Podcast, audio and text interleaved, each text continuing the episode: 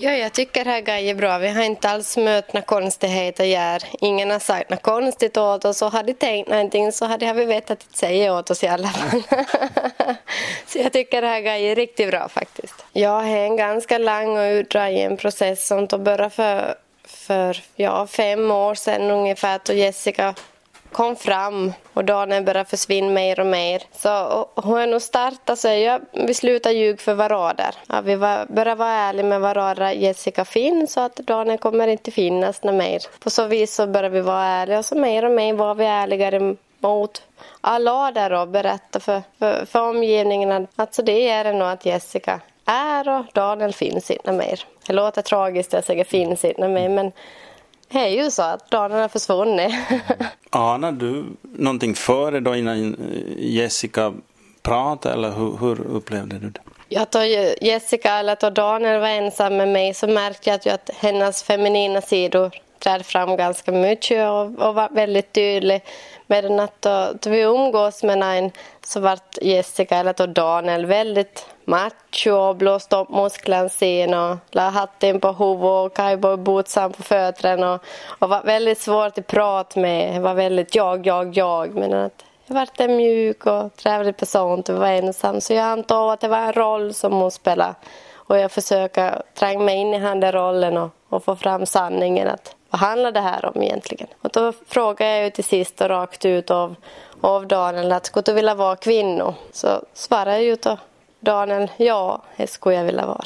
Så så kom Jessica fram första gången. Det var så här det var? Ja, det var nog så det var. Jag gav väl lite pikar tror jag, så det är nog utan att säga någonting rakt ut. Men gav några ledtrådar. Du själv, för det var ju säkert långt innan den här tiden, när, när kände du att, att, att, du är en kvinna egentligen till din läggning? Då? Hur, långt tillbaka i tiden går det? Det är nog så långt jag kan minnas. Så ja, hela tiden som liten så tänkte man ju att det kanske skulle kunna, om man ber riktigt mycket på kvällen så kanske man vaknar upp som kvinna på dagen, men det sker ju aldrig.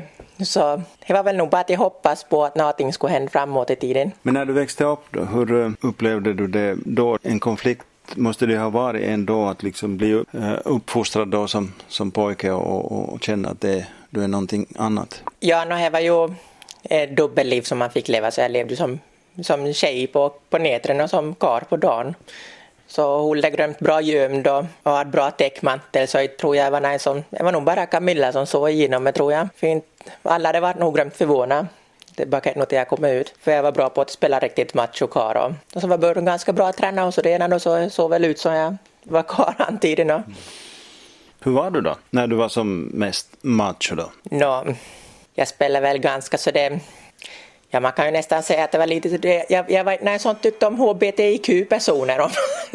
så det var ju en bra täckmantel att då kan ju gissa att jag skulle vara en själv. Och så hade jag mycket bussor och pistoler på väggen och Amerikaflaggor och ja, countrystil hade jag. Så jag var väl ganska bråkig med. Så det Men all, allt för att dölja då? Ja. Vem du egentligen var?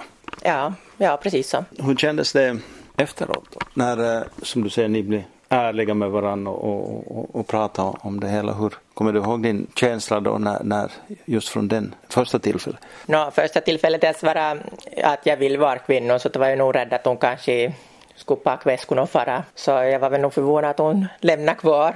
Men eh, det var ju nog en lättnad och lättare till leva. Det var ju som en stor sten som full axlarna. Du reflekterade aldrig över det då? Att nej, det här, det här kan ju inte gå? No, till en början så kändes det nog ganska tungt att jag skulle byta roll jag och jag skulle egentligen i princip vara en lesbisk. Eller vart jag? Eller vad är jag? Hena, man kan ännu fundera, vad, vad är min roll i det här? Har jag ändrats då?